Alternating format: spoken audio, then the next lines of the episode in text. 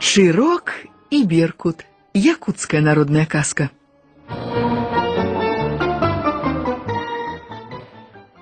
Калісьці даўным-даўно птушкі жылі на адным месцы і не ведалі ніякіх пералётаў. Усе яны пражывалі на цёплым поўдні у гарачых краінах. Жылося ім прывольна і сытна, і птушыны народ пладзіўся без усякай меры. І вось птушак стала гэтак многа, што зрабілася ім цесна народнай зямлі. Пачало не хапаць корму для птушанят, пачало не хапаць месца для гнёздаў, ды яшчэ настала такая спякота, што пачалі ў гнёздах прападаць яйкі. Што рабіць? Птушыны народ сабраўся на сход. У нашых мясцінах стала цяжка жыць, гаварылі птушкі.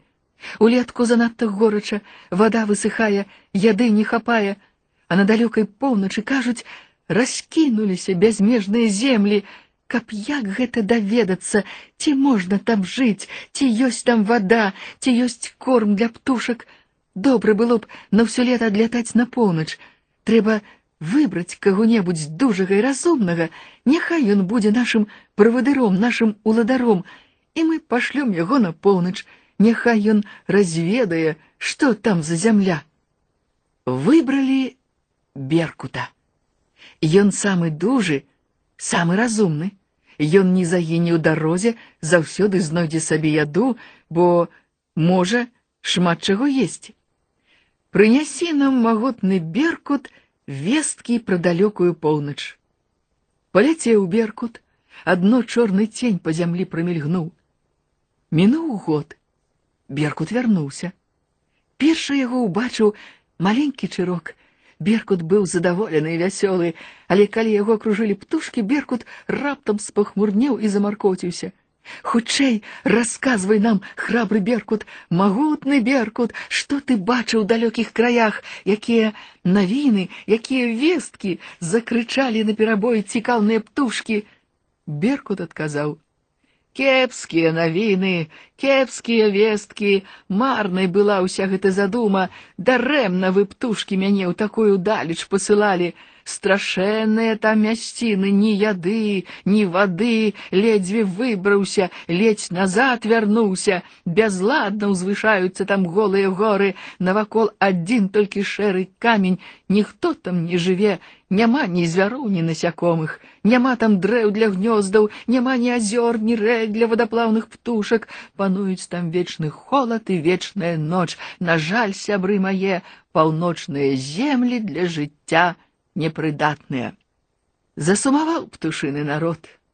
Усе прыціхлі, задумаліся, і раптам маленькі пранырлівы чырок прамовіў у цішыні. А я не веру беркуту.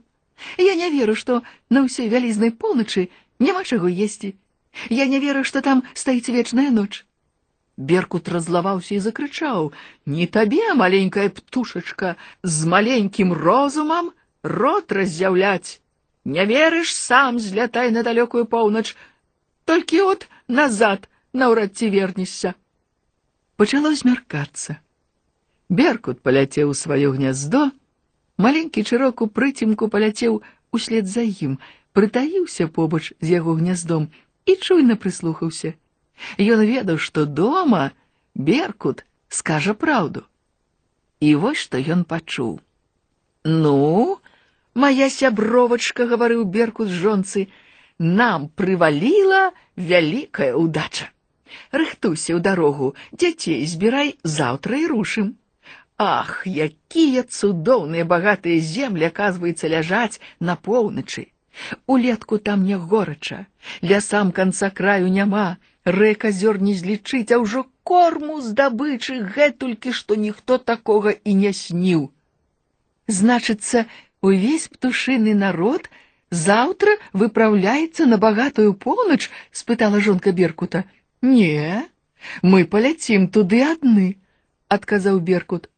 Птушынаму народу я сказаў, што тыя мясціны для жыцця непрыдатныя. Мы адны паляцім у цудоўны багаты паўночны край. Мы расплодзімся там на незлічоных кармах, мы будзем уладарамі неабсяжных прастораў. Ах, ты не вытрываў чырок, але тут жа закрыў рот. Што гэта? страпянуўся беркут.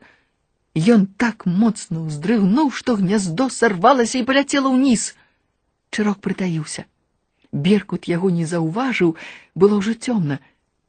Позна ўночы, калі ўсе паснулі, чырок ціхенька паляцеў дадому, а назаўтра, як толькі ўзышло сонца, ён сабраў усіх птушак на сход. Паслухайце мяне, паважаныя птушкі, сказаў ён, усё, што ўчора вам гаварыў беркут, няпраўда. Землі на поўначы багатыя, Ёсць там лясы і лугі, рэкі і азёры, а корму там гэтулькі, што нікому з вас і не снілася. Адкуль ты гэта ведаеш? закрычалі птушкі. Чаму мы павінны верыць сабе, а не пану беркуту? Я сядзеў учора вечарам побач з яго гняздом, сказаў чырок, і чуў, што ён гаварыў жонцы. Ёй ён сказаў: « Збірайся, заўтра паляцім на поўнач. А вас, птушкі, шаноўны беркут падмануў. Я трошки напалохаў яго, шаноўны беркут уздрыгнуў, гняздо яго сарвалася і ўпала ўніз. Птушкі закрычалі: « Калі чырок кажа праўду, трэба выбраць другога правадыра, каб ён злятаў на поўнач і не падмануў нас. У гэты час павольна і самавіта на сход прыйшоў сам беркут птушкі спыталі: « Як вам спалася, шаноўны пане?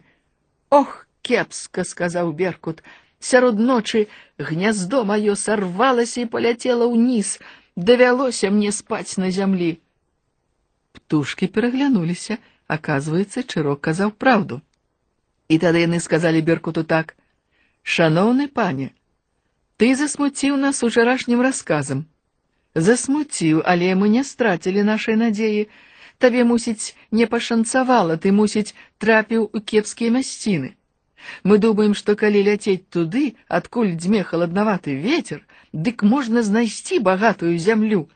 Цяпер мы э, пашлем на поўнач другую шаноўную птушку, выберам другога правадыра. Ты не будзеш крыўдаваць. Што тут гаварыць беркуту, і ён сказаў: « Не, не буду. Тады сказалі жураўлю: « Шаноўны журавель, цяпер табе мы давяраем стаць нашым правадыром.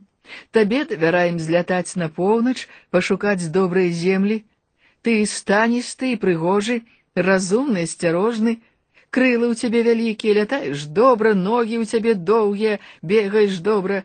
На зямлі ты паясі чарвякоў, а на балоце жаб. Ляці на поўнач, шаноўны журавель, прынясі нам добрыя весткі. Журавель ганарыста выйшаў наперад і сказаў: вы правильно зрабілі птушкі, што выбралі правадаром мяне, я задаволены, я палячу. І тады наперад выскочыла маленькая качачка, она закрычала: « Што вы робіце, паважаныя птушкі, каго вы выбралі? Вы, мабыць, калі выбіраеце правадыра, дык глядзіце на даўжыню носа. Што вы ў жураўля знайшлі? Доўгія ногі, доўгая шыя і гучны бязглузды крык. Журавель самая дурная птушка, ні розуму, ні памяці. Каля першага ж балота ён забудзе пра нас, нажарэцца жаб і вернецца. Пачуўшы такія словы, журавель рынуўся на качачку і давай дубасіць яе сваёй доўгай моцнай дзюбай. Ён пераламаў бы ёй крылы ногі зусім забіў бы, але народ заступіўся, журавля адцягнулі. Качачка сказала: « І гэта называецца кожны вольны гаварыць на сходзе, што думае, Ажно не, оказывается, не можна слабаму і слова вымавіць супраць дужага. От глядзіце, птушкі, якога разумнага і справядлівага важака вы сабе выбралі. Ага, ага, ты няправільна зрабіў, журавель, загаманілі птушкі, не трэба было гэта гарачыцца, не трэба было ушчынаць бойку. Качачка гаварыла груба, мы яе пакаралі б. Трэба было б пазбавіць цябе звання правыдырады, на жаль, няма нікога другога годнага. Як гэта няма годнага закрычала качачка. Вось сядзіць асіла карол, Ён і па імені пан. Хто бачыць гэтак далёка, хто лятае гэтак высока, хто гэтакі великодушны, як ён? Птушкі сказалі: « А і праўду ж кажа маленькая качачка. Ён самы разумны, ён самы лепшы. Выбралі орла, попросілі яго злятаць на поўнач, ён хутка вярнуўся і сказаў: « Землі там багатыя цудоўныя, лето не гарачае, ніводная яйка там не сапсуецца, ніводная птушаня не загіне, усім нам трэба на лета ляцець на поўнач. І птушкі паляцелі на нашы прывольныя паўночныя землі. З таго часу яны прылятаюць да нас кожнае лета. Праўда, журавель не ляціць далёка на поўнач, туды, куды качкі. Беркут прылятае, але хаваецца у лясах.